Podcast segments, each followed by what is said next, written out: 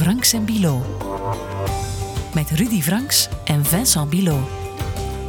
Welkom op onze maandelijkse afspraak. Het wordt een eh, bijzonder boeiende aflevering, want Rudy, ik ben bij het inlezen en het voorbereiden voor deze podcast, maar echt van de ene verbazing in de andere getuimeld. Ja, ja, ik ook. Nu, ik wist wel dat ze in de Arabische wereld, in de golfstaten, een beetje een beetje louche waren soms. Maar, Mhm. maar toch, toch ja, dat, het niveau hiervan is ongelooflijk. Ja, die golfstaten en hun rol in eh, ja, het Europese voetbal en hoe ze voetbal gebruiken als een soort politiek instrument, dat gaan we inderdaad eh, vandaag ontdekken. Het gaat ook nog ter sprake komen, voetbal als propagandamiddel, als we het hebben over Rwanda. Want eh, dat heeft een, een soort Twitter-campagne opgestart die, ehm, ja, laten we zeggen, onder het mom van het bestrijden van fake news zelf heel veel fake news eh, verspreidt. De Arbiter of Tweets heeft dat eh, ontdekt. Een man die eh, bij ons op de factcheck-redactie van VRT Nieuws werkt. Waren internetvedetten die zowaar naar onze podcast wil komen, Rudy. Dat is wel ongelooflijk. We zijn vereerd. Ja, we gaan eindelijk ook eens horen hoe die klinkt, die Arbiter En hoe of hij er Tweets. echt uitziet. Hè? Want dat is, dat is de echte, die Italiaanse arbiter, die zijn, zijn logo is zeker. Ja, ja, die. Pierluigi Collina, dat Ja, is eigenlijk zijn, zijn Juist, profielfoto. Maar Ja. ik neem aan dat hij er toch een beetje anders uitziet. We passeren ook even langs het eh, Himalaya-staatje Bhutan voor ons getal apart, Rudy.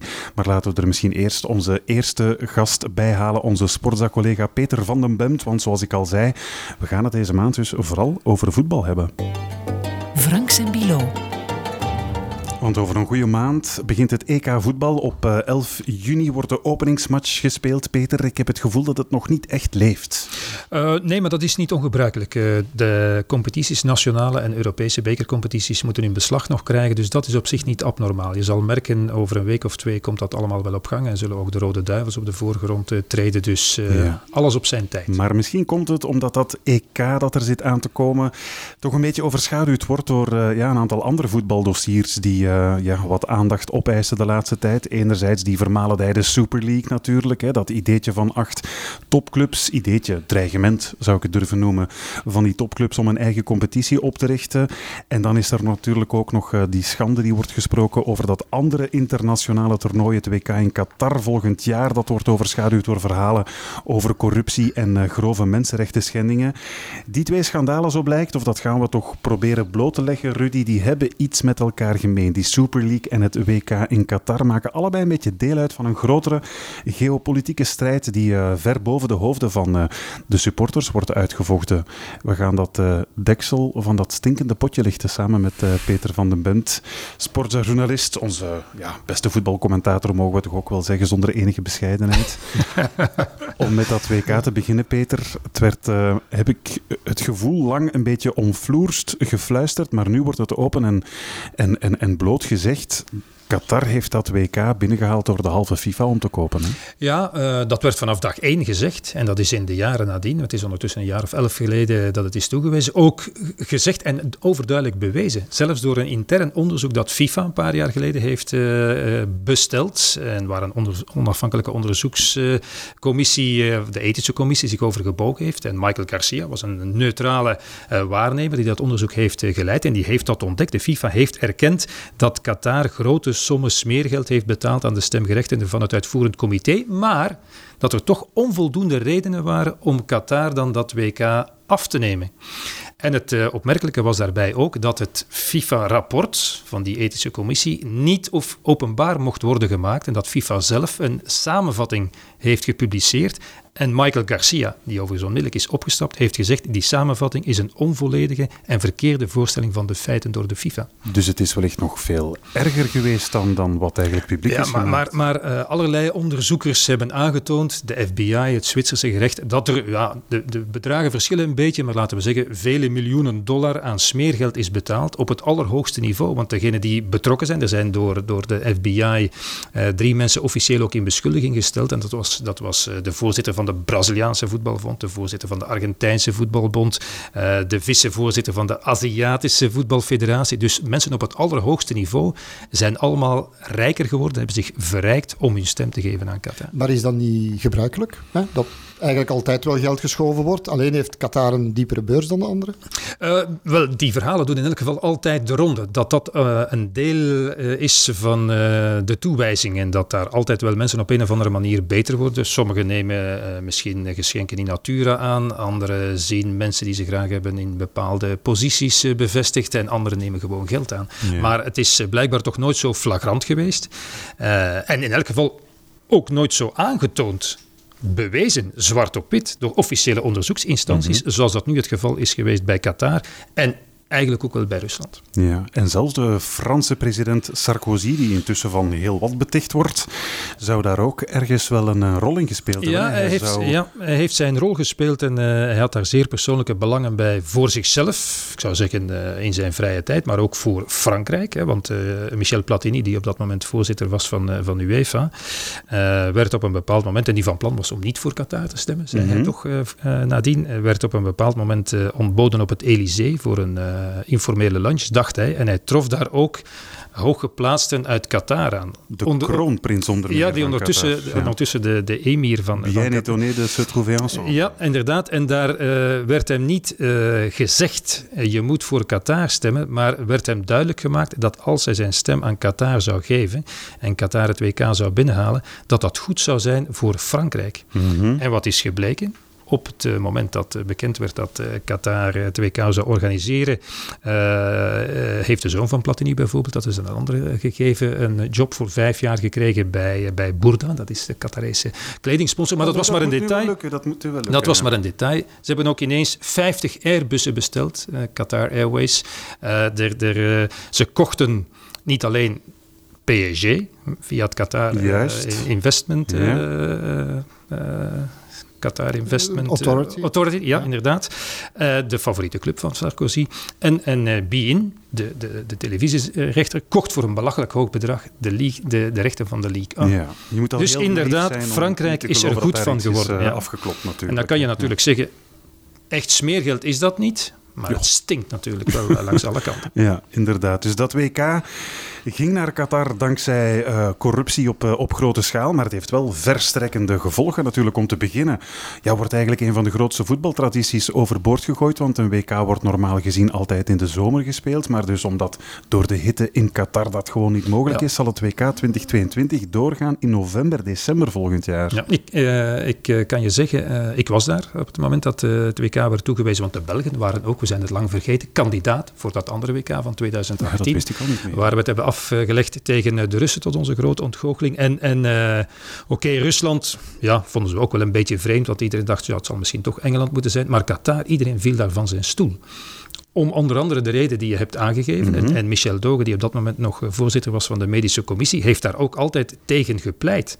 Omdat het los van alle bedenkingen die we maakten en nadien werden gemaakt over mensenrechten en zo verder, uh, het natuurlijk onbegonnen werk is om in Qatar te gaan voetballen in, in de zomer. En, en meteen werd er geopperd, ja, dat is onmogelijk bij 50 graden uh, gaan voetballen midden in de zomer. Dus is dat ten lange leste verplaatst naar inderdaad november en december, waardoor eigenlijk vooral uh, de Europese clubcompetitie competities helemaal op zijn kop worden gezet. Dus mm -hmm. dat is. Dat is uh, en, en goed, en dan worden we een beetje uh, nostalgisch en dan zijn we natuurlijk naïef, naïeve liefhebbers van het spel. Ja, een WK voetbal moet gespeeld worden als het zomer is, zoals ja. de Ronde van Frankrijk ook in principe wordt gereden in juli, wanneer de mensen vakantie hebben, de studenten hun examenstress hebben afgegooid en iedereen daarvan kan genieten. Mm -hmm. ja. Maar goed, dat is maar een uh, onnozele bedenking. Natuurlijk. Ja, nog een gevolg van de uitbesteding aan Qatar. Het heeft een immense carousel van mensenhandel en uitbuiting op gang gebracht. Hè. The Guardian onthulde onlangs dat er uh, tijdens het bouwen van infrastructuur voor dat WK in Qatar naar schatting 6500 gastarbeiders al zijn ja, dat, dat uh, cijfer is uh, een onderschatting. Ja. Dat zeggen de meeste, ook Amnesty International zegt dat, omdat er een aantal landen geen cijfers vrijgeven, die daar onder andere Kenia, denk ik, die daar ook wel uh, gastarbeiders hebben. En, en uh, de discussie gaat er natuurlijk over, want je moet het wel uh, juist formuleren eigenlijk. Er zijn, dat aantal mensen is officieel gestorven bij infrastructuurwerken. Hè? Mm -hmm. En dan zeggen ze, ja, maar aan de stadions zelf, 37 of zoiets, ik zeg maar mm -hmm. wat. Maar natuurlijk de andere aan hotels die worden gebouwd, wegen die worden gebouwd, uh, allerlei infrastructuurwerken die er natuurlijk zijn gekomen, vooral, niet uitsluitend, maar vooral in functie van het, uh, van het wereldkampioenschap voetbal. Ja. En, en uh, zij zeggen van ja echt door ongevallen zijn het er ook maar weer enkele. Maar, maar wat onderzoek heeft, eh, heeft uitgewezen is dat heel veel jonge, in principe gezonde mensen daar sterven aan, aan hartaanvallen of andere aandoeningen die niet normaal zijn voor ja, mensen zij zeggen ze zijn een natuurlijke dood gestorven, maar natuurlijk als je um, 18 uur per dag moet werken Voilà. in die vreselijke hitte Voilà. en dan een hartaanval krijgt, is dat geen natuurlijke dood Dus je kan het dan officieel wel catalogeren onder een andere noemer, maar wij weten toch allemaal beter. Ja, inderdaad. En dat is wel iets, hè, de, de corruptie, dat wisten we al heel erg lang. En het is, het is schuldig verzuim van, van de verantwoordelijke van de FIFA om dat WK al niet vijf, zes, zeven jaar geleden af te nemen van Qatar. Toen kon dat nog. Wat ik zeg, het rapport was, een jaar of vier, vijf geleden, denk ik, eh, waar dat uit is gebleken. Maar ze vonden het op basis van daarvan niet nodig om het te doen. Maar het had gekund. En dan had je dit soort dingen allemaal kunnen voorkomen. Nu is het natuurlijk veel te laat, want die, eh, die verhalen over eh, slechte werkomstandigheden, gastarbeiders, migranten die worden uitgebuit, die dateren nu niet van, het recente, eh, van de recente onthullingen van The Guardian, maar nog niet zo heel lang. Dus ik zou zeggen, ja, dat, dat is pas nu echt boven water gekomen en pas nu, de voorbije maanden, heb je een beweging die dan inderdaad daartegen eh, wil, wil Maar actie dat systeem van... Kan je het moderne slavernij noemen? ik vind dat wel. Ja, ik vind dat wel. Eh, ik heb die prachtige reportage gezien, of documentaire, The Workers' Cup. Wel, dat illustreert het eigenlijk al. Maar daar zijn heel veel eh, jonge mensen die vertellen dat ze met verkeerde, eh, onder verkeerde voorwendsels zijn gelokt naar Qatar. Er zijn er zelfs bij die naar Qatar zijn gegaan vanuit Afrika, omdat ze opdat hen beloofd werd dat ze dan in contact konden komen met voetbalclubs. En die kwamen met het oog op het uitbouwen van een voetbalcarrière, eventueel via Qatar, daar het goed doet, dan naar Europa.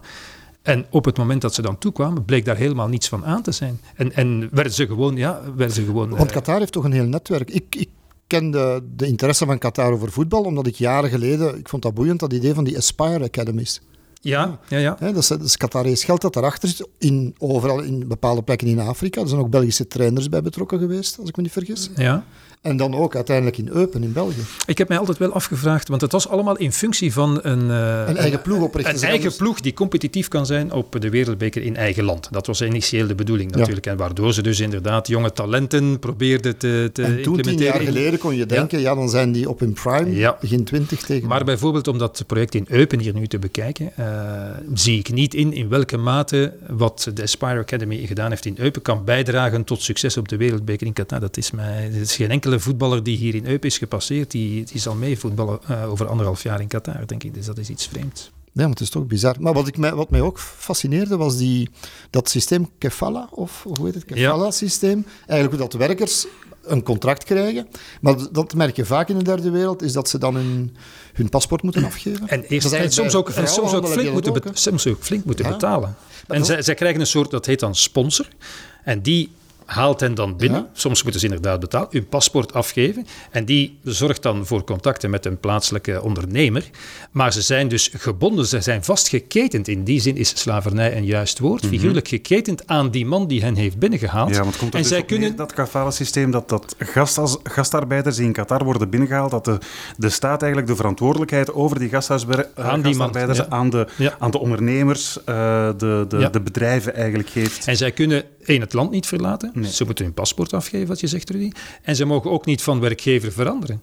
Dus dat, eh, dat is inderdaad een vorm van slavernij. Nu moet ik wel zeggen, onder druk van FIFA, van allerlei organisaties, van Amnesty International, eh, heeft Qatar wel een heleboel eh, maatregelen uitgevaardigd de voorbije jaren, waardoor de werkomstandigheden van de, van de arbeiders zouden zijn verbeterd.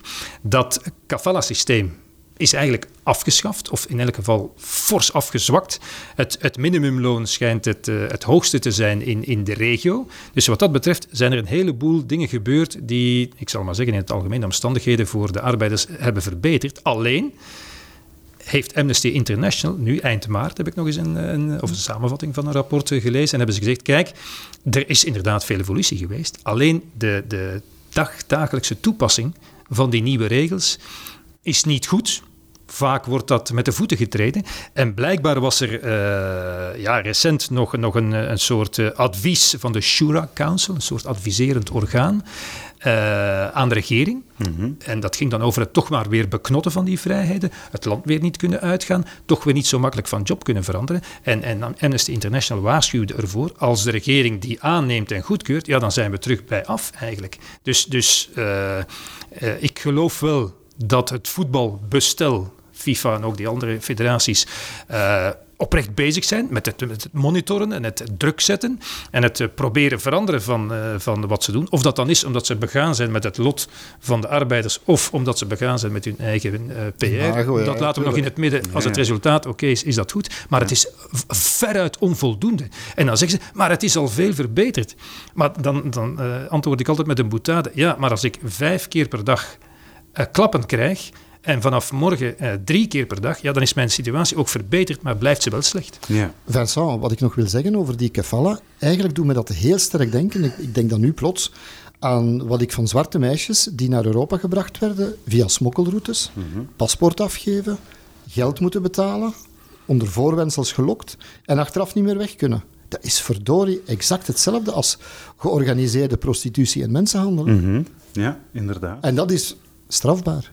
En het is eigenlijk extra cynisch dat die duizenden gastarbeiders uh, ja, uh, soms tot uh, 18, 20 uur per dag moeten werken in dus die vreselijke hitte om uitgerekend geairconditionede stadions te bouwen waar die, ja, die, die voetballers dan gewoon twee keer drie kwartier in uh, ideale klimatologische omstandigheden een potje kunnen voetballen. Dat, dat is, ook, cynisch eigenlijk. Dat is ook waarom ik zeg dat het minste wat voetballers kunnen doen is uh, de toestand aanklagen. Dat lijkt mij het aller, allerminste wat ze kunnen doen. Want inderdaad, er werd gezegd, we gaan voetballen in Qatar, onmogelijk. Maar ze hebben gezegd, ja maar geen probleem. We bouwen stadions en dat is, schijnt inderdaad zo te zijn, waar je dus in de allerbeste omstandigheden, beter dan in Rusland, waar het soms wel 35 graden was, mm. of in Brazilië, of in, in Japan en Zuid-Korea, kan gaan voetballen. Dus dat gaat ideaal zijn voor de, voor de voetballers daarbinnen. Ook in de winter. Want het is dat zijn de Romeinse Spelen, opnieuw palen met Circenses. Hè? Ja, ja. De gladiatoren mogen en die worden goed verzorgd. Alles het beste van het beste. Ja, ja. Ja, en vooral ook dat allemaal in een land dat amper 40 jaar geleden nog ja, een soort arme woestijnstaat was van, van, van nomaden, Rudy. Ik las dat sinds de ontdekking van olie en gas in Qatar ergens in de jaren 70 de bevolking in één generatie ja, eigenlijk de facto veranderd is in een samenleving van superrijken. Hè. 14% van de huishoudens in Qatar zijn miljonair. 14%. Hoe hebben ze dat eigenlijk klaargespeeld, Rudy? Hoe, is, hoe heeft dat land zo'n kwantumsprong kunnen maken op één generatie? Ja, en het, het gekke is, is de zoon van een parelvisser in godsnaam. Hè. Dat klinkt heel romantisch. Die goede connecties heeft met familie van, het, uh, van de emir van Qatar en zo, hè, van mm-hmm. Al-Thani. En dan ja, overal zijn hand in heeft. In het begin vond ik trouwens dat... En dus met olie en gas, hè, punt. Hè, gewoon ja, ja. de kraan open, geld komt binnen, stroomt binnen. Maar wel voor een heel kleine bevolking. Hè. Die, je, je kan zeggen miljonairs. Maar ja, als driekwart of meer van de bevolking eigenlijk imported slavenarbeid is. Ja, ja want er zijn eigenlijk maar 600.000 echte Qatari. Ja, Al de rest absoluut. zijn inderdaad gewoon gastarbeiders die werken voor die Qatari. Maar en dan, ik, ik, vond wel, want toen ik in die hele opgang van de voorbije 20, 30 jaar Qatar was in het begin, eigenlijk wel de new kid on the block hè, in heel die, dat, dat Midden-Oosten daar. Dat waren zo'n beetje de, de uitdagers. De underdog hadden niet sympathiek over zich, want ze, ze kittelden Saudi-Arabië, de grote buur. Al Jazeera in onze sector van de journalistiek was Al Jazeera was een verademing tegen het, het CNN en het uh, Russia Today. Zij brachten een andere stem, redelijk onafhankelijk, werden daarvoor gekapiteld door Saudi-Arabië en door de, de dictaturen daar. Dus ik had eigenlijk wel sympathie voor Qatar. Totdat je daar komt en daar eigenlijk toch wel ziet dat het een heel rigide systeem is, dat zijn mensen niet zo fijn behandeld, zijn niet oorspronkelijke inwonersmensen. Mm-hmm. En dan, dan begint dat af te, af te kalven. Hè. En als je dan nu ziet hè, wat er nu van geworden is. Maar dan vind ik Qatar in hetzelfde bed ziek als Saudi-Arabië en de Emiraten. Eigenlijk de same kind, net hetzelfde. Mm-hmm. Zij vechten een strijd uit voor macht, voor invloed. Alleen nog de Saoedi's, nog de Emiraten, nog Qatar, die hebben geen vliegdekschepen. Die gaan geen onderzeeboten tegen elkaar opsturen. Die doen het met sport. Ja, inderdaad. Dat, dat is eigenlijk het, uh, hetgene waar we een beetje willen toekomen, denk ik. Dat uh, die, die verschillende staten, de Arabische Emiraten, Saudi-Arabië, Qatar, een beetje in een soort van wedijver met elkaar zitten. En dat ze hun eigenlijk de, van de Europese voetbalvelden een beetje hun strijdperk hebben gemaakt eigenlijk. Hè? Ja, en het, het toeval wil dat uh, uh, vanavond nu PSG tegen Man City uh, nog eens wordt gespeeld. En dat is nu eigenlijk ook op het veld de strijd tussen Qatar en de Verenigde Arabische Emiraten. Emiraten. Zag, ik heb bewust naar Ze noemt die dat de match gekeken. de Cashiko of de Gassico. Of zo. Ik heb bewust naar die match gekeken, maar ik zag daar niet naar als, als zijn een voetballiefhebber. Ik heb daar naar gekeken als gewoon een, een geostrategisch machtsspel. Wie wint er hier? Wie wint de oorlog in Libië? Wie wint de oorlog in Jemen? Wie wint... Want daar staan ze op het slagveld tegen elkaar. Hè? Mhm. Waarbij, want we hebben het nu over die slavenarbeid. Maar je moet beseffen dat die twee, drie landen met elkaar op het terrein van Libië, Syrië en Jemen een strijd uitvechten waarbij tienduizenden doden vallen. Hè? Dit is gewoon een perverse zijsprong bij manier van Dit spreken. gaat ook over imago. Hè. Dit Voilà, gaat vooral, ja. er, er was, uh, uh, ik denk dat het vorig jaar was, een, een, wedstrijd in de Asia Cup, zoals wij de Euro het Europees kampioenschap mm -hmm. hebben, de, de uh, Aziatische voetbalbeker. En daar was er een duel tussen Qatar en de Verenigde Arabische Emiraten. Glansrijk gewonnen door Qatar met 4-1. En dat heeft geleid tot een soort verering door de emir. Ze werden ontvangen met uh, alle egaars. En uh, de, de uh, mensen van de Verenigde Arabische Emiraten gooiden ook met schoenen, wat een gigantische belediging is mm -hmm. in, in, de islamitische mm -hmm. wereld. Dus dat was een staatszaak. En dat is het eigenlijk vanavond ook tussen PSG en Man City. Want als je het hebt over de Super League en, en wij willen graag, en de supporters in Engeland willen graag geloven dat het er niet is gekomen door de uprising van, van de supporters.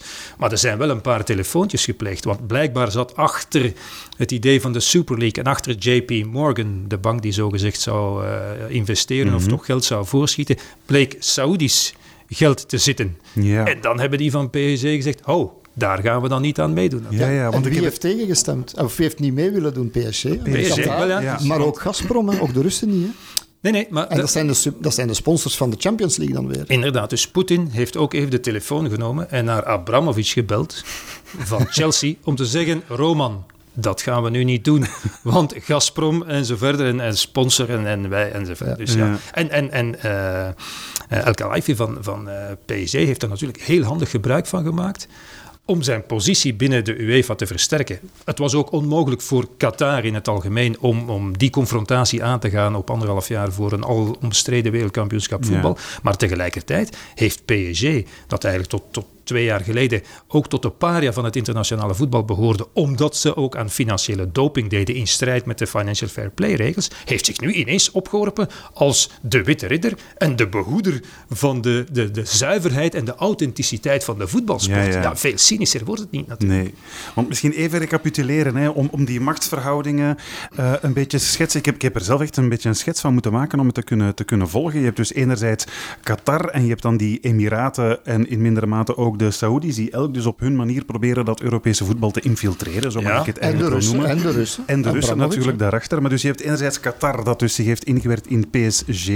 dat eigenlijk pro-UEFA is. En maar, maar, maar nu recent, ze, nu, nu recent ze natuurlijk om, het, ja, dat komt eigenlijk goed van pas nu, het WK ja, mogen organiseren. Ja, en dan heb je anderzijds uh, heb je dan um, ja, na, natuurlijk in, in het zog van Qatar heb je dan Qatar Airways, dat natuurlijk ook uh, allerlei uh, Europese topclubs begint te sponsoren. En ook, daar, de... ook daar, Vincent, heb je, heb je de Duitsers, die wij toch altijd nog ook in deze veel lof toezwaaien. Maar Bayern München wordt ook gespo gesponsord door Qatar Airways, Airways gaat ook op oefenkamp naar, naar Doha. Dus wat dat betreft is het toch ook een beetje een dubbele moraal. Eupen trouwens, hè, dat, dat eigenlijk ook een beetje is ingelijfd, als ik het zo mag zeggen, door, door Qatar. En dan heb je dus de, de Arabische Emiraten, die bijvoorbeeld Manchester City, City ja. Die dus wel aansturen op die Super League en op die manier dus eigenlijk ook een beetje op ramkoers liggen met Qatar, dat dan ja, uiteraard, in, dit, in deze ja, zaak UEFA steunt. Vincent, via de Emirates, zie ik hier staan, steunen zij ook AC Milan, Olympique Lyon, Real Madrid, Benfica, hallo. Ja. En dan heb je nog Saudi-Arabië dat uh, Sheffield City, geloof ik, uh, een beetje mee heeft overgenomen. En ook uh, een, een belang van 50% heeft in Beerschot.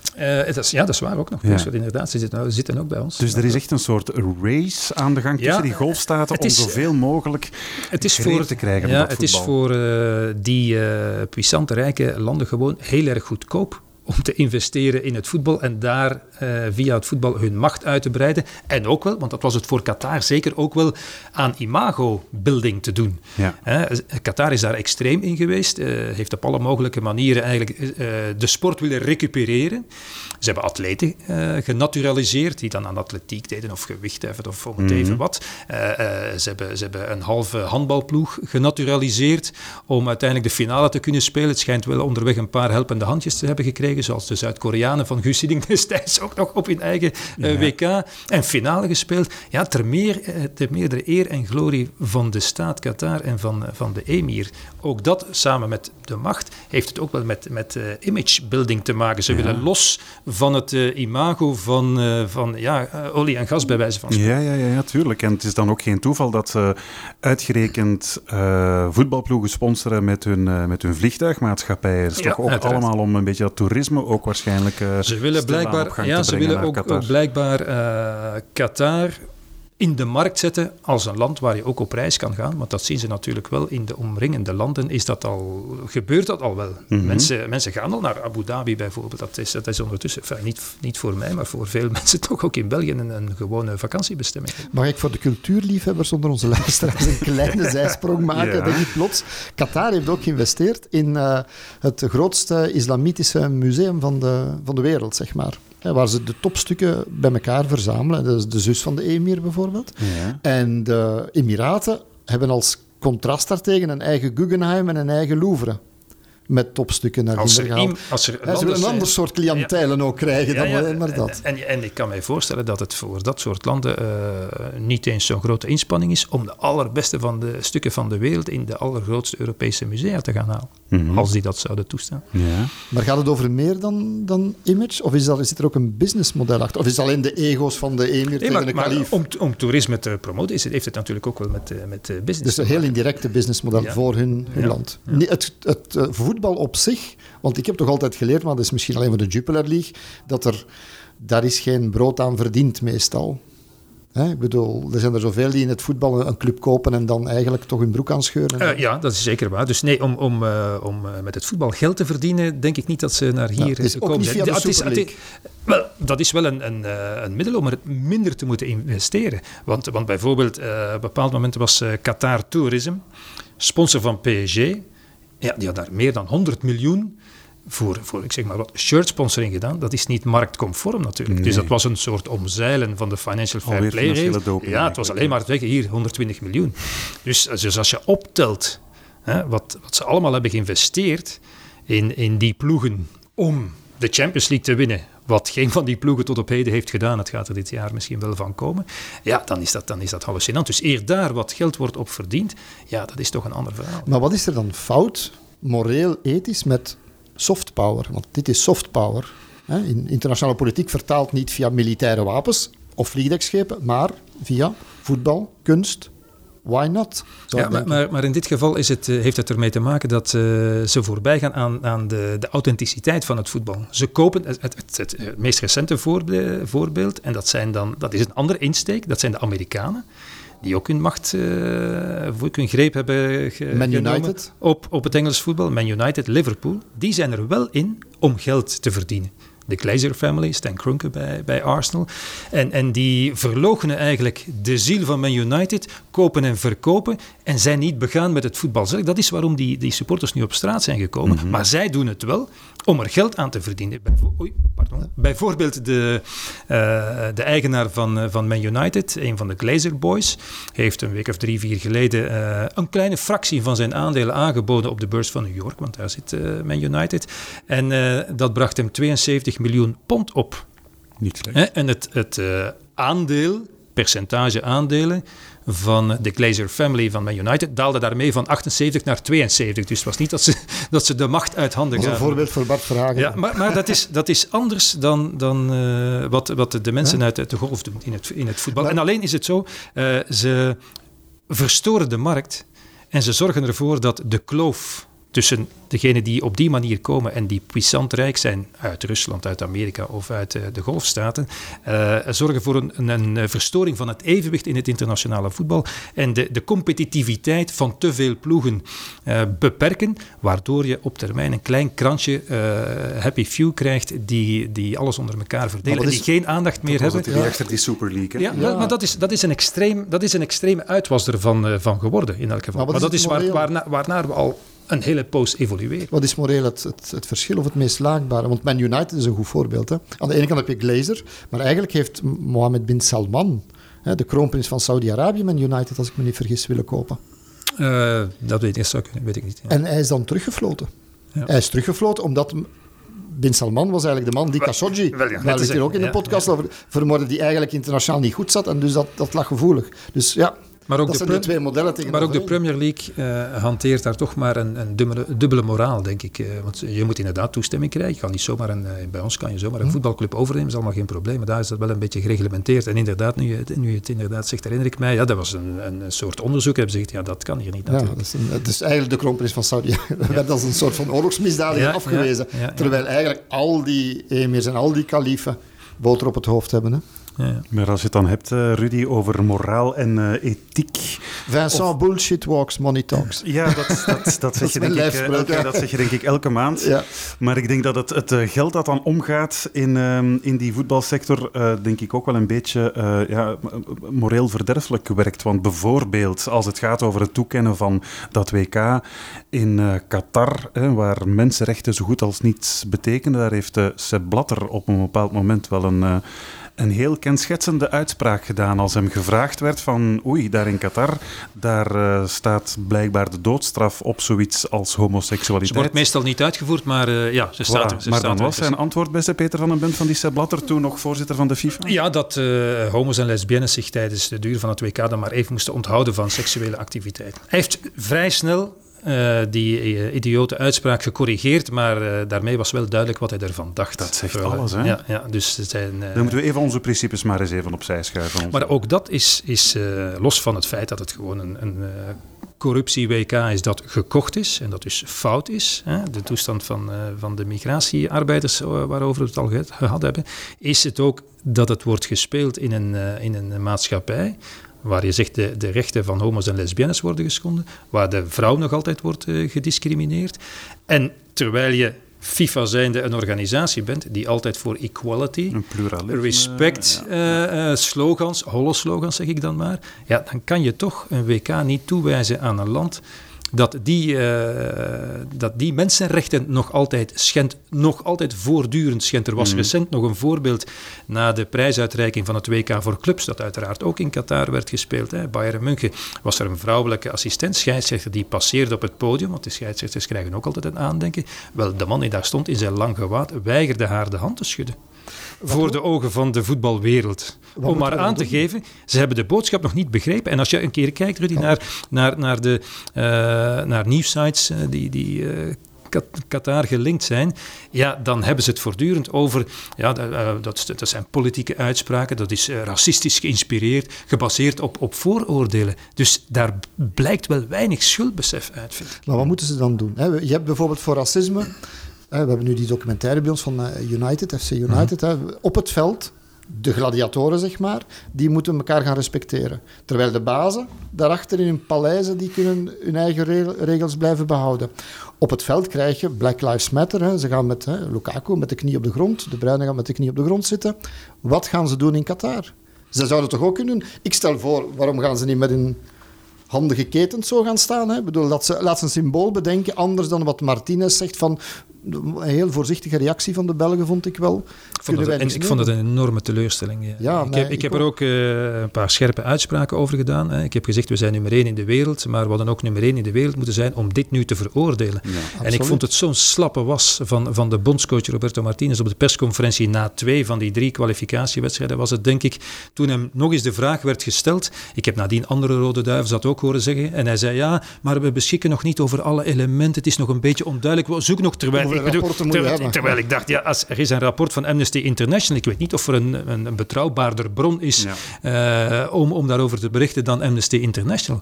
En dan hebben ze uiteindelijk toch ja, een shirt aangetrokken met een boodschap eh, die... die Maar eh, dat zou toch een perfect forum zijn, daar in Qatar. Hè? Ze moeten niet met hun knie op de grond gaan, want dat is al voor het, tegen het racisme, maar iets anders. maar Dat, dat, dat, laten gebeuren. dus gaan dat- dat heb ik- ook op anticiperen nemen. dat heb ik ook altijd gezegd. Eh, kijk, ik kan het niet meer eh, afgelasten. Nee.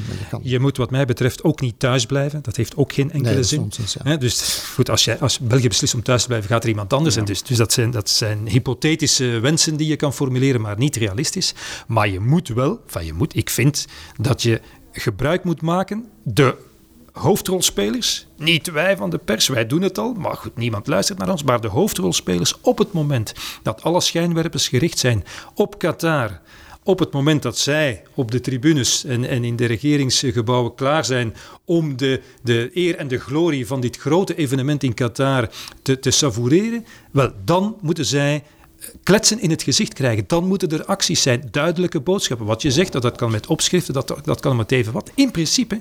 Maar duidelijk zichtbaar en niet zoiets uh, Duidelijk lichtjes zichtbaar, ja, verdoken duidelijk dan iemand de helft niet begrijpt. En dan zijn er mensen die zeggen, ja, maar eh, voetballers kunnen niet eh, voor alle eh, onrecht in de wereld en de bootvluchtelingen eh, proberen om eh, dit- in, in de bres springen. En dan zeg ik, nee, dat is juist. Ik begrijp dat ze dat doen voor eh, eh, Black Lives Matter. Want heel veel van die jongens hebben dat aan de lijve ondervinden. Het is iets van hen. Ja. Maar als je vindt dat je niet geschikt bent als voetballer om te protesteren, te ageren tegen onrecht dat aan mensen is aangedaan in functie van het eh, creëren van het grote toneel waarop jij kan schitteren, ja, dan begrijp ik het er toch Maar niks mee. Dan is dit toch een... Hier moet je toch je stem het is laten hun portemonnee. Hè. Ik bedoel, zij verdienen hun geld. Dat is de voetballers hun businessmodel. Hè. En, en het is, het is eh, een manier waarop je die Qatarezen in het hart kan treffen, in hun trots.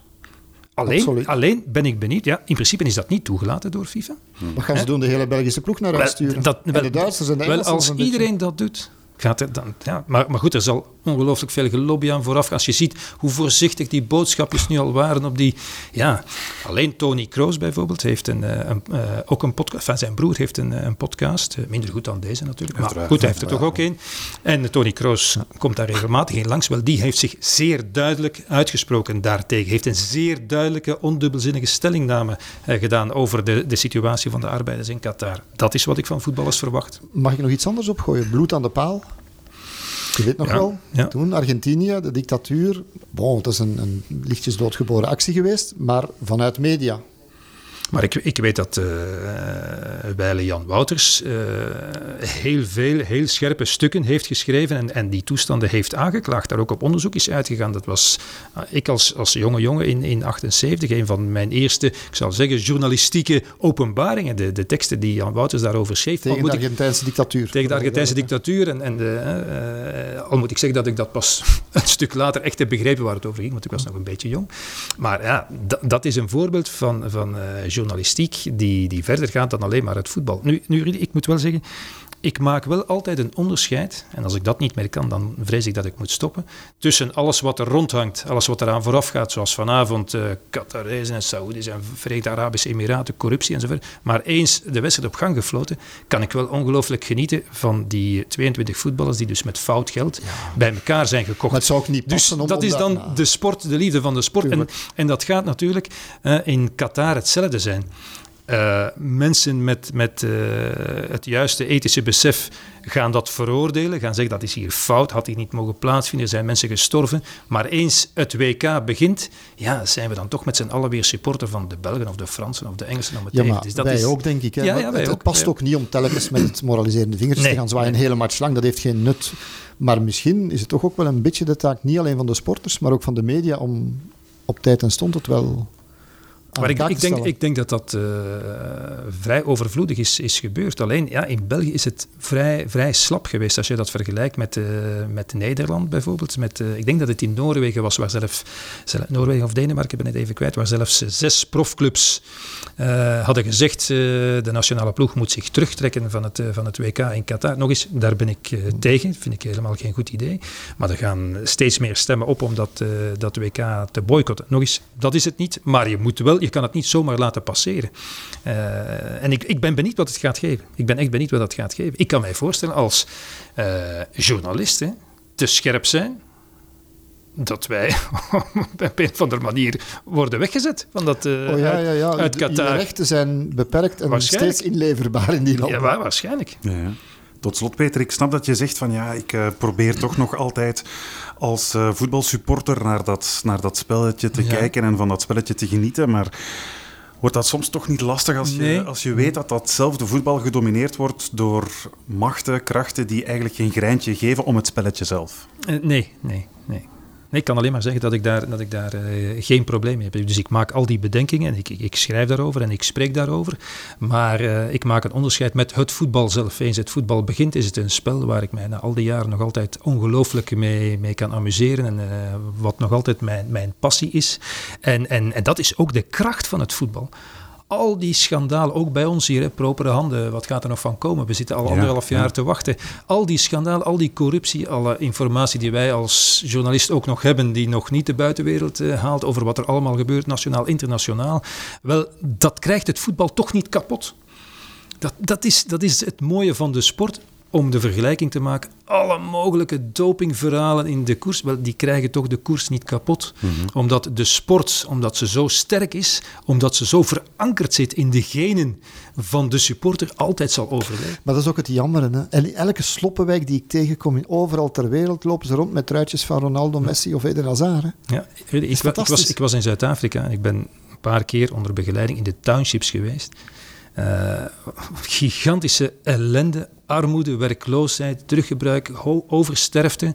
Uh, sloppenwijken zijn weggeveegd om, om stadions te kunnen bouwen of er zijn muren opgetrokken om ze uit het zicht te zetten.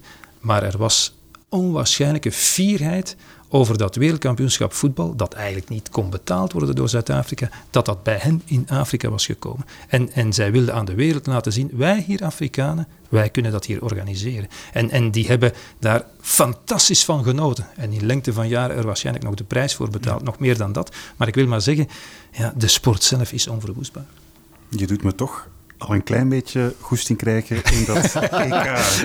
Ik denk dat de sfeer... En dat de beste mogen winnen, de Belgen dus. Ja, inderdaad. De voetbalkoorts begint dan toch stilaan greep te krijgen op mij. Heel erg bedankt om langs te komen in onze podcast, Peter van den Bemt. En dan gaan wij het nu hebben, Rudy, over een heel ander soort wereldkampioenschap. Een getal apart. Het getal dat we deze maand even apart nemen komt uit de rangschikking van het wereldkampioenschap Car corona. Zo weet het zeker, hè, dat virus. karaoke, het wereldkampioenschap coronavaccins toedienen. Want uh, ja, hoe je het ook draait of keert, de vaccinatiecampagnes zijn in alle landen toch een beetje een race tegen de klok. Ook een beetje een race tegen de andere landen die het uh, beter of net veel slechter doen. En koploper in dat WK vaccineren is op dit moment, Rudy, niet het Verenigd Koninkrijk, niet Amerika, zelfs niet Israël, waar zo vaak naar uh, verwezen wordt, maar wel Bhutan. Ja, ze maken zelf graag de vergelijking met een wereldkampioenschap in Bhutan, want uh, ze, ze, zeggen daar, we are like the underdog winning the World Cup. Dat is dus dat staatje in de Himalaya dat zo wat geprankt ligt tussen China en uh, India, uh, Bhutan. En daar hebben ze dus al, hou je vast, meer dan 95% van de volwassen bevolking ingeënt. Ter vergelijking, wij zitten aan een goede 33%. En in korte tijd. Hè? En in korte tijd. En als we het dan wereldwijd uh, bekijken, um, daar zet de hele wereld wel een, tandje bij natuurlijk. Hè. In 209 landen zijn nu meer dan 1 miljard dosissen toegediend. Een maand geleden zaten we nog maar aan een half miljard. Maar in Bhutan, ja, daar hebben ze dus uh, elke inwoner boven de 18 al uh, gevaccineerd. Ik vind dat ongelooflijk straf, want blijkbaar is dat een land dat we puur medisch gezien toch wel echt nog een ontwikkelingsland mogen noemen, Bhutan. Ja, absoluut. 337 artsen hè, voor een bevolking van drie kwart miljoen. Dat is nog niet overdreven veel. Eén, één PCR-machine voor Eén. PCR-machine voor een heel land. Ja. ja. absoluut. Maar toch, ze hebben het geweldig aangepakt. Hè. Ja. Dus ze hebben de vaccins gekregen, dat is wel belangrijk om te weten, van India, hè, de grote zuiderbuur, zeg maar. Mhm. Mm -hmm. um, waarom hebben ze die gekregen? Omdat ze tegen China liggen. India en China zijn rivalen. Mhm. Mm -hmm. En Bhutan zit in een conflict over grondgebied met China. Dus, dus het kwam ook alweer geopolitiek ja, goed uit. Maar bon, ze hebben ze toch gekregen. En wat dan nog het merkwaardige is, ze hebben niet onmiddellijk zoveel mogelijk spuitjes gezet. Zoals wij klagen, we krijgen ze niet op tijd. Mm -hmm. Zij hebben die vaccins een paar maanden laten liggen. Ah. Want iets met de sterren die nog niet goed stonden of zo. En ze hebben een aantal eh, monniken, boeddhistische monniken, je weet dat, van de kloosters. Hè, en we moeten beslissen, ja, nu is het moment dat we kunnen beginnen met de vaccinatiecampagne.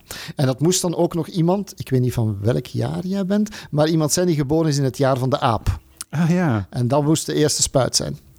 Wel- Van welk jaar ben je? 81. En welk is dat dan? Welk Geen- dier? geen idee. Ik ben van het jaar van het zwijn. dat, ver- Dat is een goed jaar. Dat schijnt een goed jaar te zijn, maar bon. Hè.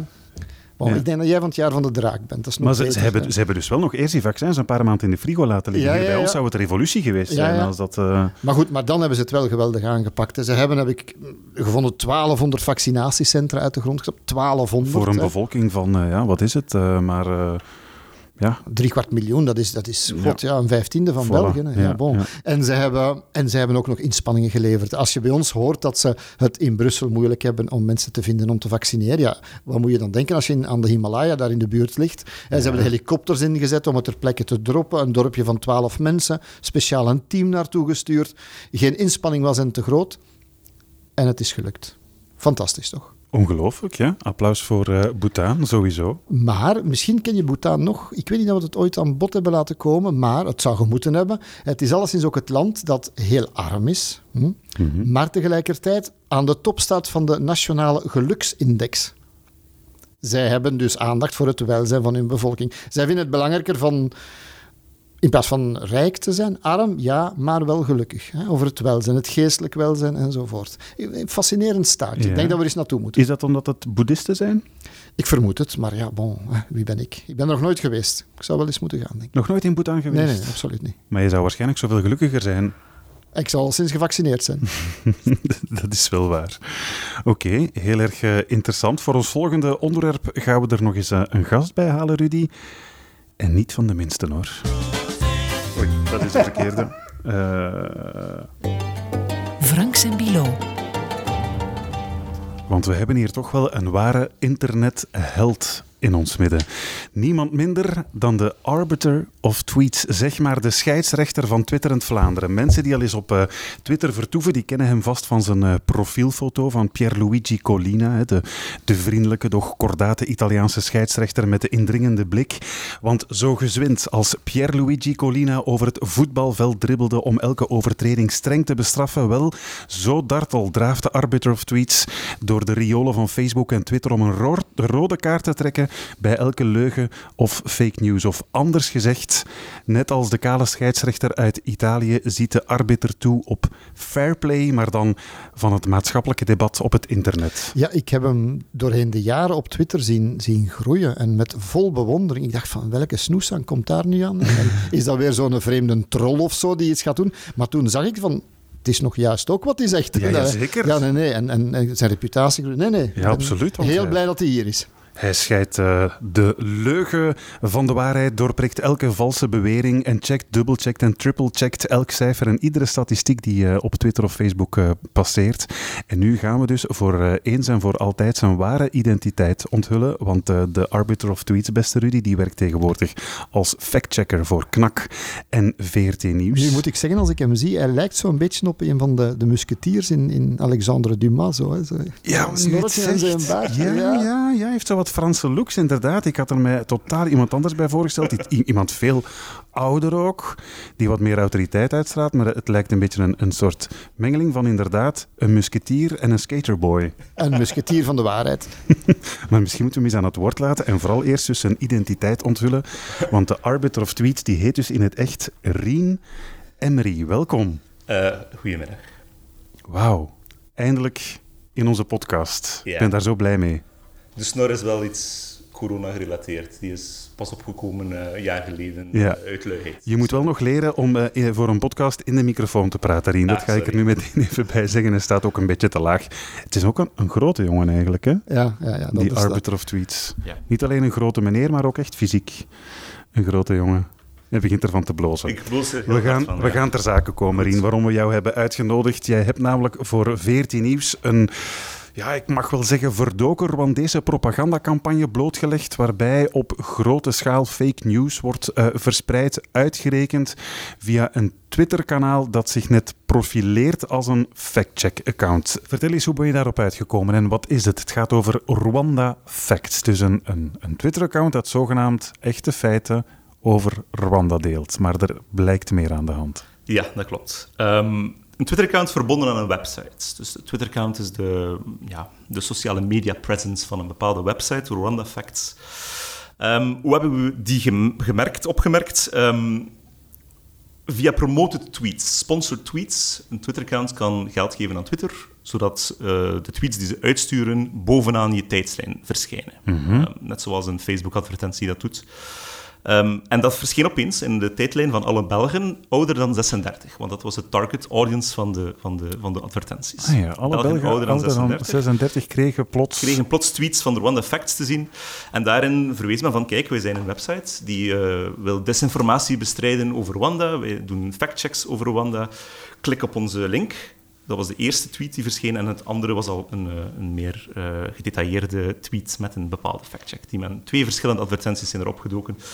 En toen heb ik eens doorgeklikt, omdat factchecks mij altijd interesseren. Ah ja, je denkt een collega. Ja, en dat was inderdaad een website, uh, rwandafacts.com, die zich presenteert als een factcheck-website, waar dus thematische factchecks op staan.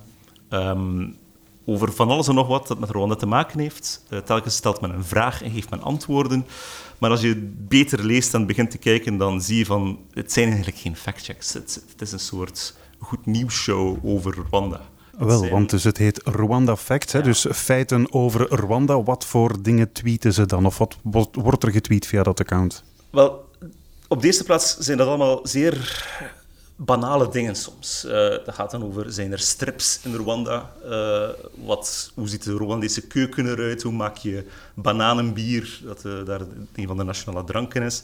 Dat is de eerste soort dingen die verschijnen. De tweede soort zijn... Zo de toeristische trivia Ja, toeristische eigenlijk. dingen. Ja. Um, feel-good nieuwtjes. Het tweede zijn statistieken die meestal wel kloppen, dus die, die niet noodzakelijk fake news zijn, maar die kloppen. Statistieken over de economische ontwikkeling in Rwanda, hoeveel vrouwen er in het parlement zitten, waar Rwanda voor bekend staat, een hoog aantal vrouwen in het parlement. Zo'n dingen. Dat is, dat is het tweede type. Maar het derde type, en wat dan zeer opvallend is, wat ook een van de advertenties was, is toegespitst op een bepaald proces dat daar aan de gang is, een gerechtelijk proces.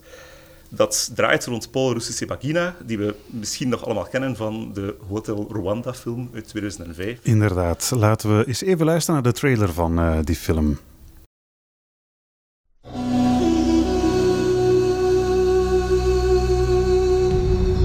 My name is Paul Rusesabagina.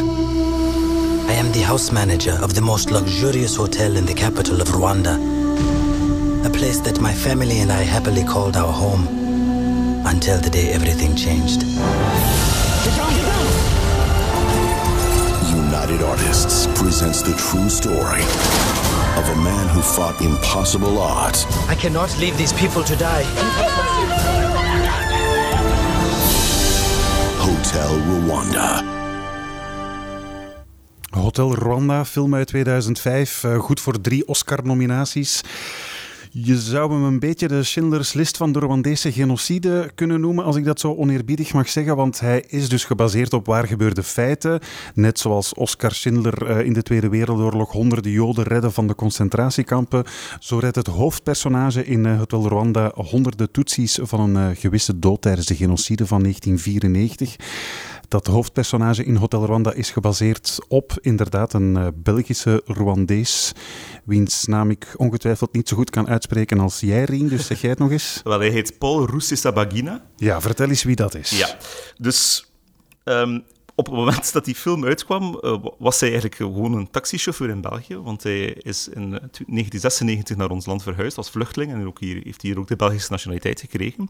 Maar dus voordien, tijdens de Rwandese genocide in 1994 werkte hij als manager van het hotel Milcolin in, uh, in Kigali. Mm -hmm. En heeft daar tijdens de 100 dagen genocide um, heel wat mensen verstopt en uh, ontvangen en uh, kunnen redden van die genocide. Ja, heel wat uh, gematigde Hutus en Tutsis die vervolgd werden op dat moment. Mm -hmm.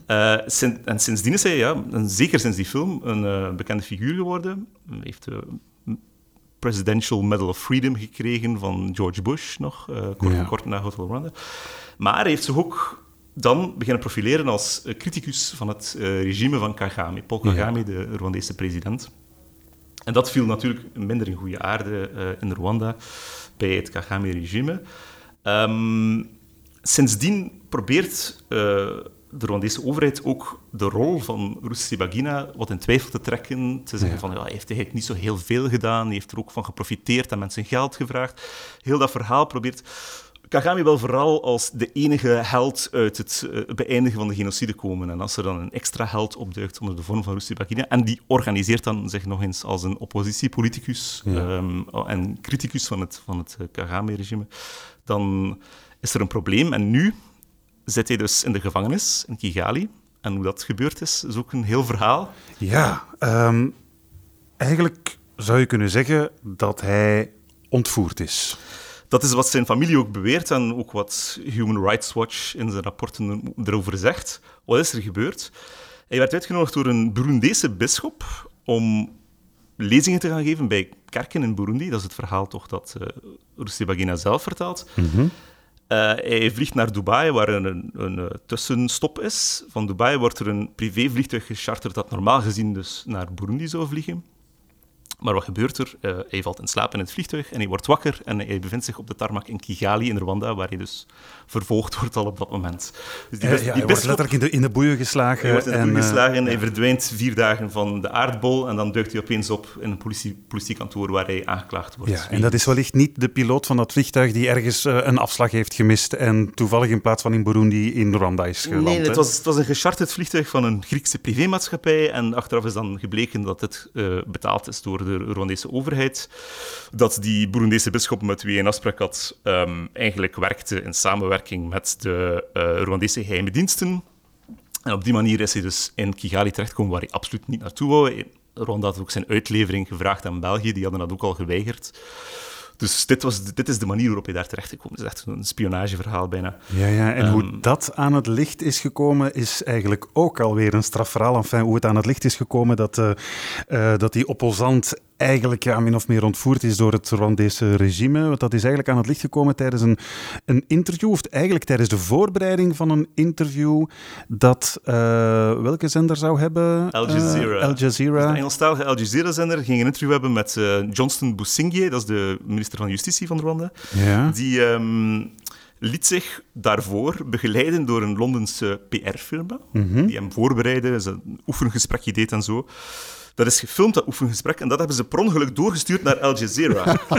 ja. ja. Laten we eens even luisteren naar die gelekte tape. Dus eigenlijk uh, ja, de, de, de voorbereidingen die getroffen werden voor dat interview ja. en het verhaaltje dat ze zouden ophangen aan die journalist van Een beetje Al Jazeera. ideale wereld eigenlijk. Eigenlijk wel. Het is een beetje alsof we ja, meekijken met de woordvoerder van, uh, van uh, de, de Rwandese regering.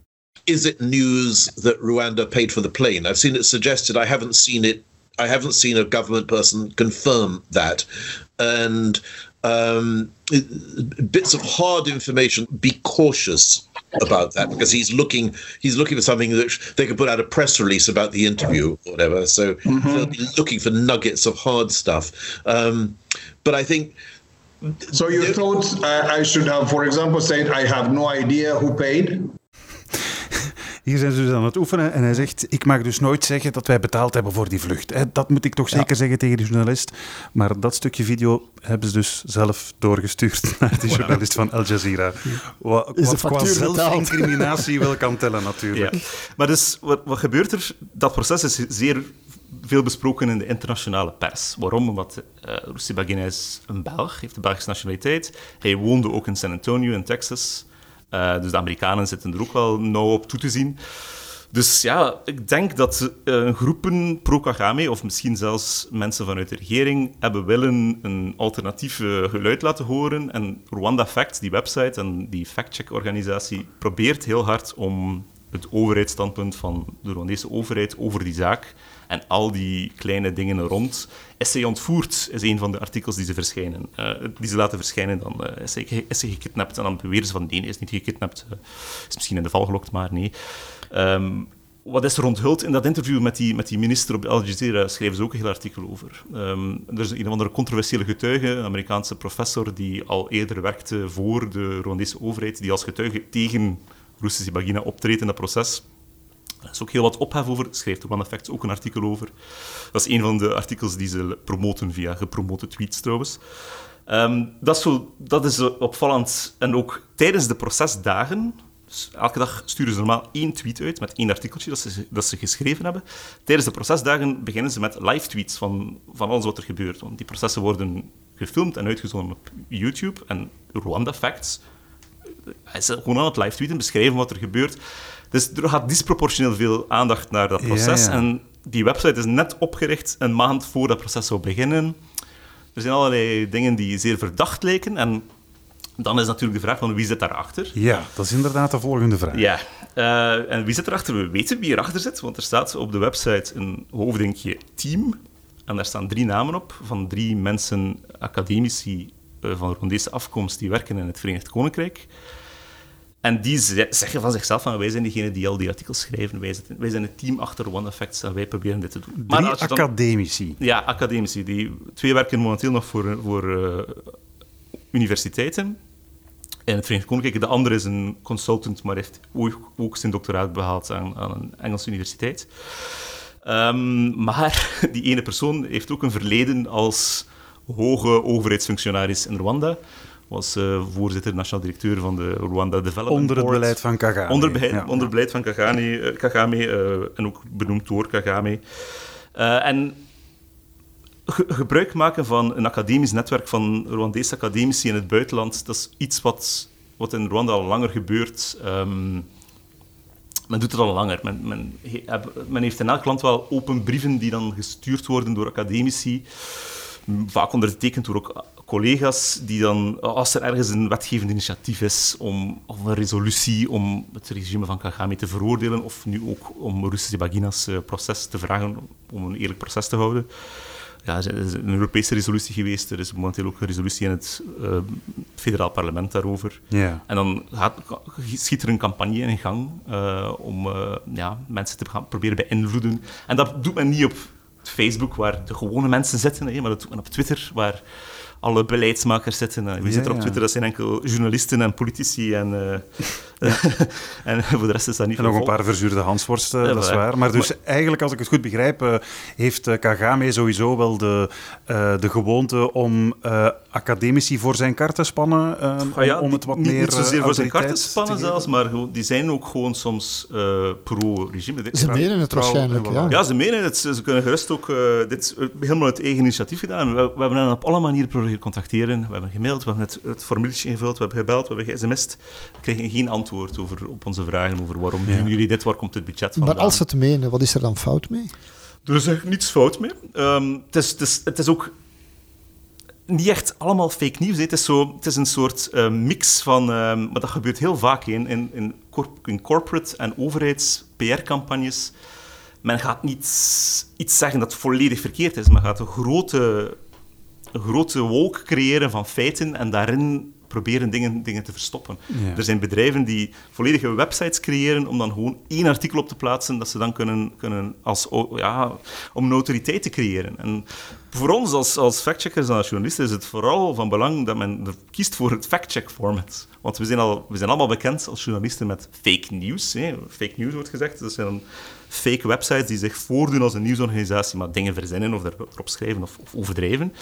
Maar fake factcheckers is nog iets nieuws. Uh, en ja. ook niet de eerste keer dat dat gebeurt trouwens. Dus dat, de essentie is dat men niet het idioom factchecking mag gebruiken. Dit is ja, propaganda, informatie die officieel is, maar niet een factcheck. Maar het probleem is dat dat niet beschermd is natuurlijk. Iedereen, iedereen mag zich factchecker noemen. Ik was ook factchecker voor ik als journalist werkte, zo gezegd. Iedereen mag dat doen en dat, gaat, dat valt bij de sterkte van uw argumenten. Um, er is dan natuurlijk wel er is een internationaal fact-checking network dat uh, bepaalde accreditaties geeft. Um, bijvoorbeeld als je factchecker wil zijn op Facebook en daar dingen kunnen factchecken, dat er een kleine overlay over komt van pas op, dit is checked en is niet correct, moet je een bepaalde methodologie volgen volgens het... Dus moet je een, een, zwarte lijst van fake factcheckers gaan oprichten? Uh, het probleem is dat, dat het, het, is heel vaak vanuit overheden of om politieke redenen dat er zo'n fact-check-organisatie wordt opgericht. Dat gebeurt in allerlei Maar puur rond Rwanda is het een policy dat journalisten, mensen die met dingen bezig zijn, die positief over het regime praten, dan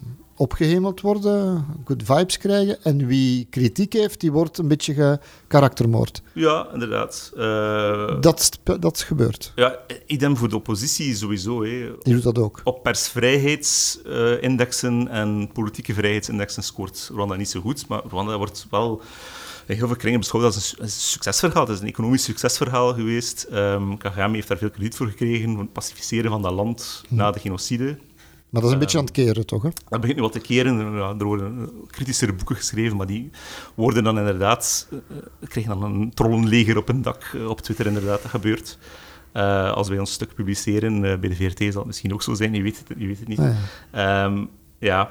Dus, dus, we kijken vol spanning uit, dat komt binnenkort. Ja, ja inderdaad. Uh, ik denk uh, vandaag komt het online ook. Denk ik. Mm -hmm. Ja, samen met, met deze podcast. Maar goed, dus die Rwanda Facts stelt zichzelf voor als een, als een fact-check-account om tussen allerlei onschuldige weetjes over Rwanda toch wat informatie erdoor te duwen die dus die uh, um, Paul in een verkeerd of een, of een negatief daglicht ja. uh, moet, uh, moet stellen. Een beetje de held van Hotel Rwanda van zijn uh, Zij schreef een held tussen aanhalingstekens. Ah ja, voilà, kijk, daarin zit alles ja. al natuurlijk. Hè, van, van zijn voetstuk te doen donderen. Maar Rudy? Ik denk plots ook nog aan, de, dat fenomeen speelde zich ook af voordat het officiële factchecking bestond. Mediawerkgroep Syrië, ja. kennen wij ook.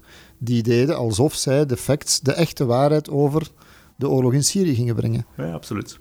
Dus um, het is niet nieuw alleen voor Rwanda. Het is absoluut niet nieuw. Er is een, in, in Zweden is er een, een fact-check-site gelanceerd die dezelfde naam had als de echte officiële fact-check-site, maar met een andere extensie, .eu.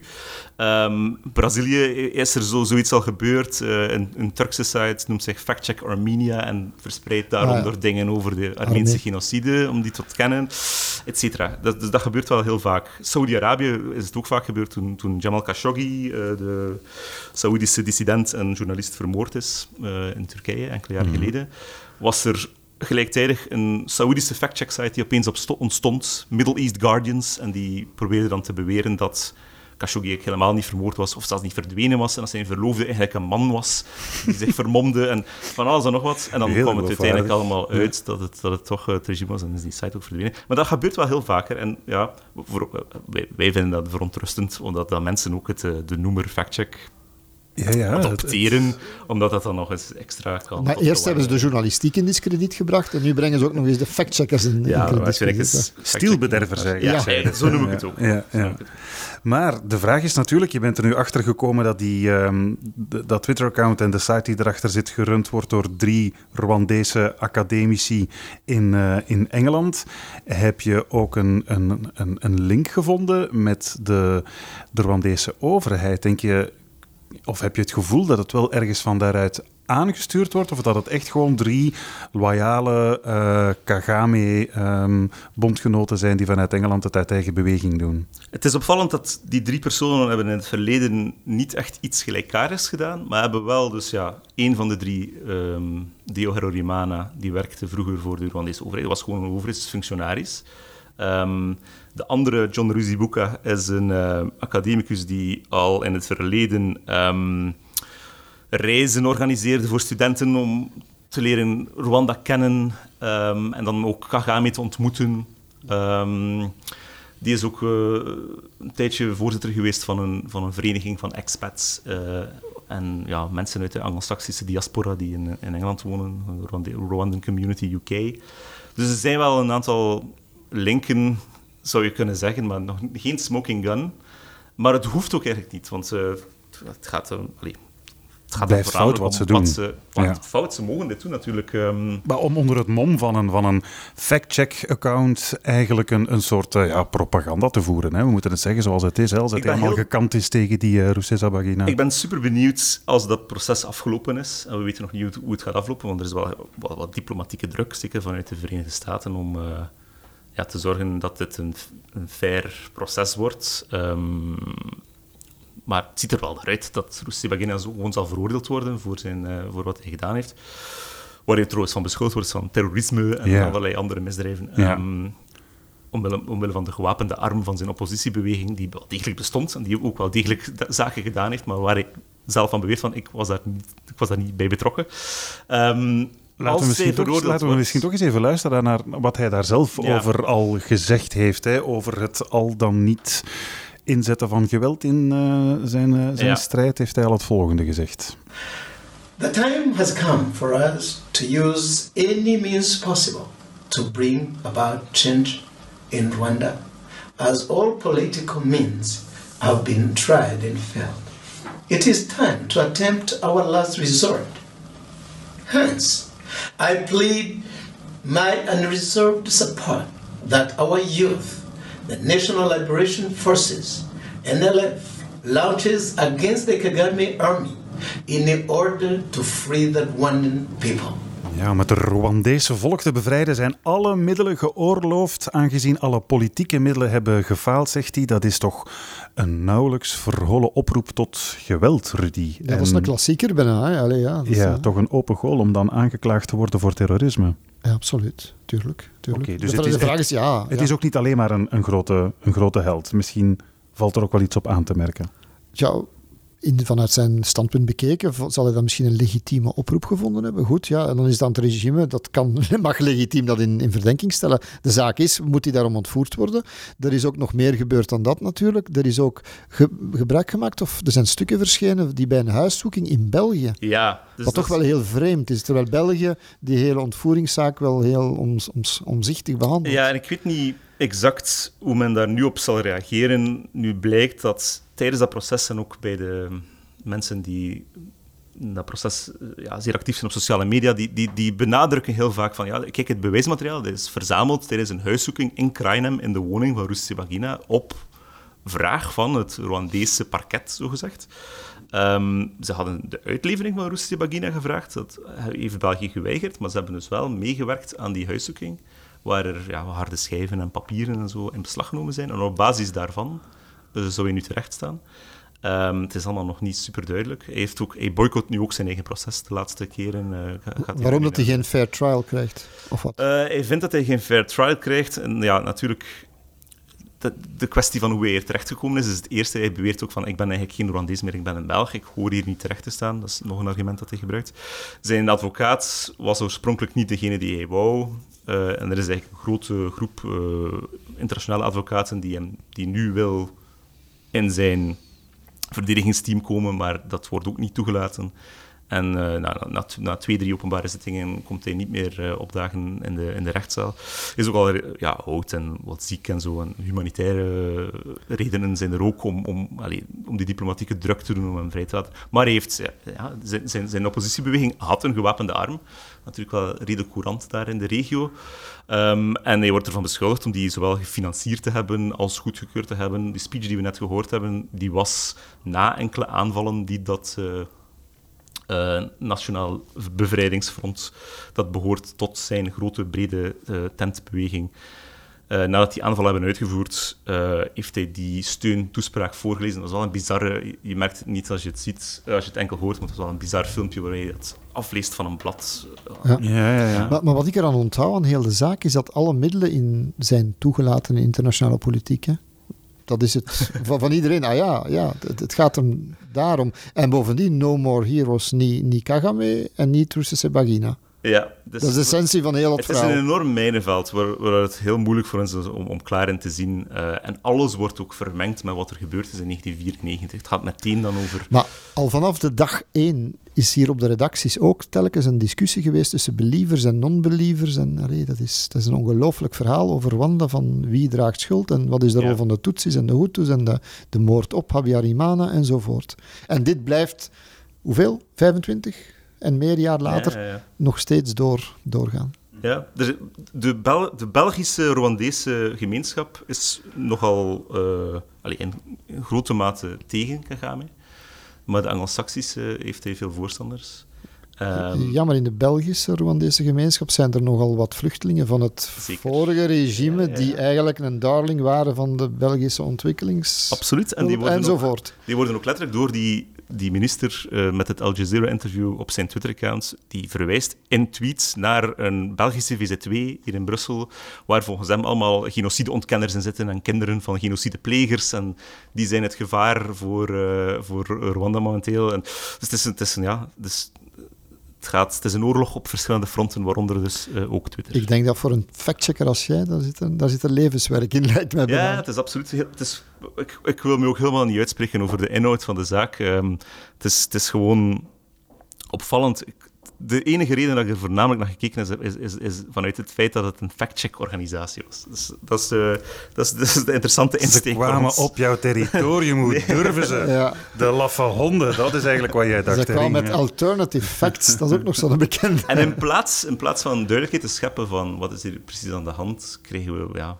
kregen we geen, geen enkele respons op onze vragen over, um, over een financiering of bronnen. Of, maar ook gewoon de algemene geschiedenis waarbij uh, Kagame in, in, het verleden heeft zeer veel gebruik gemaakt van PR-bedrijven, vooral, vooral Britse, om ja, het imago van, van Rwanda te, niet schoon te wassen, maar gewoon te veranderen. Want als je denkt aan Rwanda, waarschijnlijk is dat nog altijd zo, het eerste dat in je hoofd ziet is genocide. En hij wou dat imago beter maken. En ze hebben dat een tijd lang gedaan via Gorillas. Gorillas vooral, hè. Gorillas. Uh, ik heb ze gezien, schoon ze. Ah, ja, echt indrukwekkend. Uh, Gorilla Tracks, uh, toeristische bestemming. Was dat het unique selling proposition van Rwanda naar de toeristen? En om terug te koppelen naar onze sportverhalen, ze zouden een voetbalploeg kunnen sponsoren. Ja. Maar de, de, de, ronde van, de ronde van Rwanda ook, de wielronde, oh ja. is, nu, nu, bezig. Is nu bezig. Voilà, dus opnieuw sport als een politiek middel. En inderdaad, ze, de, Rwanda heeft zich ook ergens, ergens ingekocht bij een voetbal Arsenal. Arsenal, inderdaad. Ja. En binnenkort is het WK, ergens over enkele jaren wordt het WK in Afrika, misschien in Rwanda gereden, wielrennen. Wat nu in Leuven doorgaat dit jaar, hè. moest je het nog niet weten, bij ons thuis. Hè, ja, ja, tuurlijk. Voor de gaat dan in uh, Rwanda misschien zijn. Dus ja. En zo is de cirkel eigenlijk rond van deze podcast, Rudy. Dat oh. kunnen we niet elke maand zeggen, dat wij een soort van relevante round-up kunnen maken op het einde van onze podcast. Wie trouwens de fact-check van de factcheck website, zeg ik dan tussen aanhalingstekens. Rwanda Facts with die factcheck van, uh, van uh, Rien Emery uh, is wil nalezen. Dat kan dus allemaal op VRT Nieuws. Daar staat heel het artikel van Rien. En wie ja, meer wil weten over de genocide in Rwanda, Rudy, we hebben het er inderdaad al eens uitgebreid over gehad in onze podcast met mijn Radio 1-collega Leila El Dekmak, die meewerkte aan de Canvasreeks Terug naar Rwanda, bekroond met de H van Humo, zeg ik er nog even bij. Die podcast vind je natuurlijk ook nog altijd terug op elke podcast-app. En dan um, rest ons nog om uh, Rien Emery, a.k.a. de Arbiter of Tweets, heel erg te danken voor zijn komst naar onze tenslotte bescheiden podcast. Ja. Geen probleem. Dat was leuk. ja, de musketier.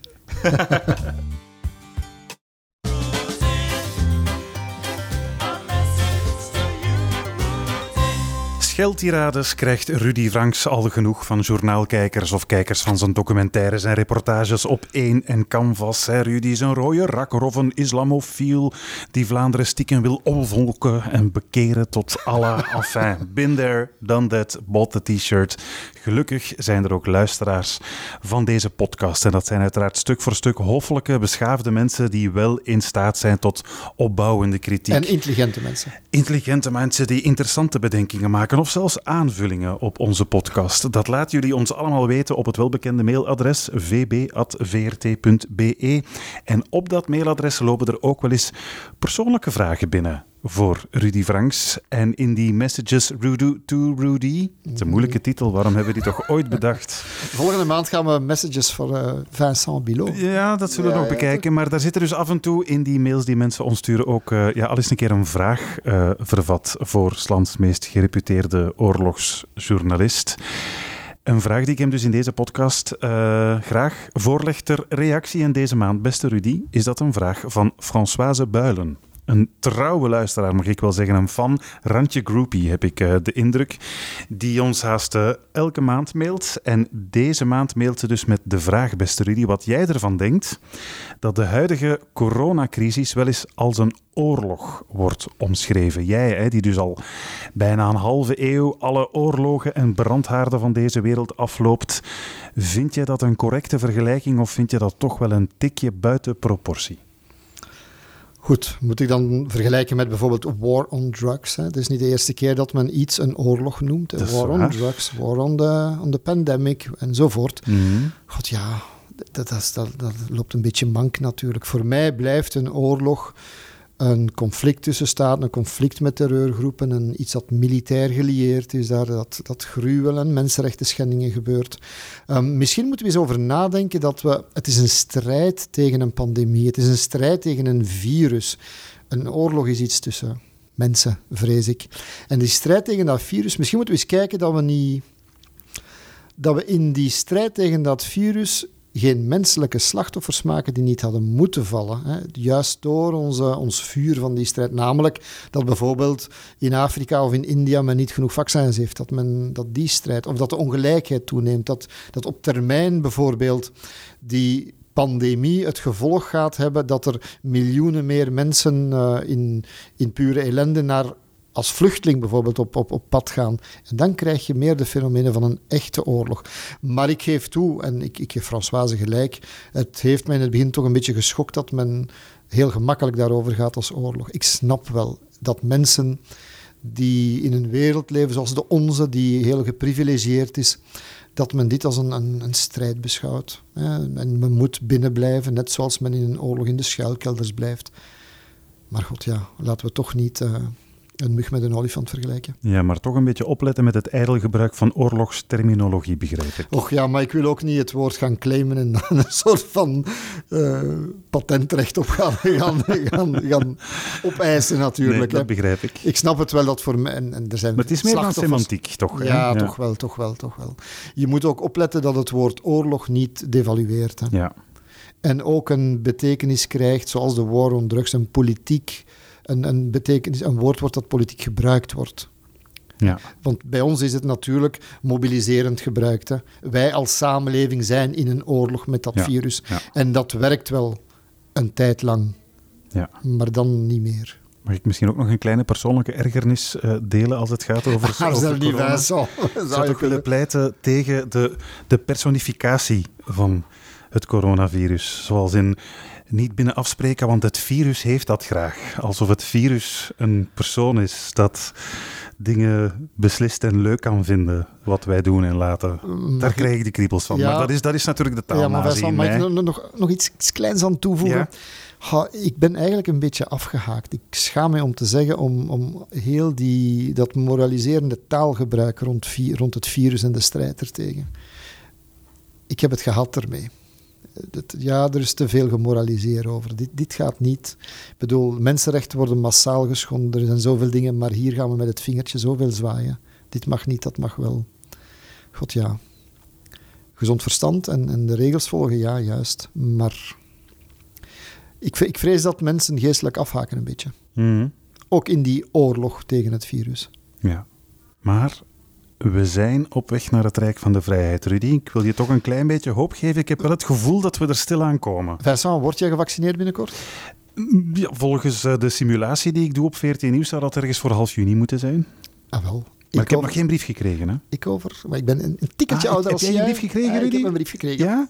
Ik je- heb binnen de seconde geantwoord en bevestigd. Geloof mij. En wanneer ga jij je spuitje krijgen? Over een week is het zover. Over een week al. Wauw. Fantastisch, hè? Kijk, dus het Rijk van de Vrijheid.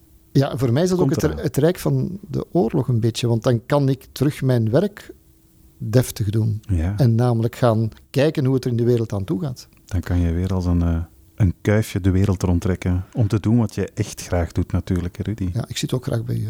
Eh, Dat, dat weet ik, dat weet voilà. ik. Maar goed, voor we hier eh, in mekaars eh, armen gaan vallen, zullen we misschien afronden en nog even overlopen op welke manier mensen zowel kunnen bereiken in functie van onze volgende podcast.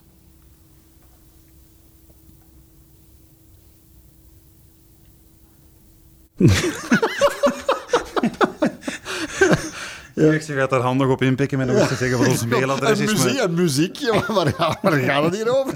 Zullen we het dan toch nog maar eens doen met dat muziek? Wacht. vb.vrt.be en dat is de V van Franks en de B van Bilo. Zo kunnen mensen het makkelijk onthouden. Zo kun je ons dus eh, bereiken voor een message to Rudy of natuurlijk om allerlei opmerkingen te geven of eh, ja, misschien wel suggesties voor onze volgende podcast. Ja, en daarvoor moet je naar de podcast-app gaan natuurlijk, hè, voor een review. En dan ontdekken de luisteraars ons. Ja, op eh, onze Facebookgroep, daar kun je ook je mening geven, meepraten over de actualiteit en ook daar dus onderwerpen aandragen voor onze podcast volgende maand. En dan rest ons nog eh, enkele mensen te bedanken, hè? de gasten van vandaag. Absoluut. Rien Emery, wauw, wat een eer dat we die te gast hadden. De arbiter of tweets. En natuurlijk ook Peter van den Bemt voor zijn komst naar onze podcast. Ja, die de volgende maanden niet uit de ether te bannen zal zijn. Hè? Nee, Met, dat is eh, waar. Blij dat we hem nog even hebben kunnen, kunnen binnentrekken, want de komende maand zal het minder zijn, denk ik. Ja, ja, hij moet in quarantaine gaan, heb ik begrepen. Dan. Ook. Telkens als hij in een bubbel het hele EK gaan volgen. Ah, ja, die moeten geen fijne job voor over hebben zich voor dat. EK. Research, Rudy, dat was in de handen van... Goran Verluiten, Lupna Kalkali en Gaia Kemous. Eindredactie, zoals vanouds, was in handen van Vincent Merks. En dan de presentatie, ondanks alles, ondanks dat hij aan de deur gezet is, Vincent Bilot. En Rudy Franks. Bedankt voor het luisteren en tot volgende maand. Ciao, ciao. Dit was een podcast van VRT Nieuws. Je vindt er meer op de podcastpagina van vrtnieuws.be of via de podcast-app op je smartphone.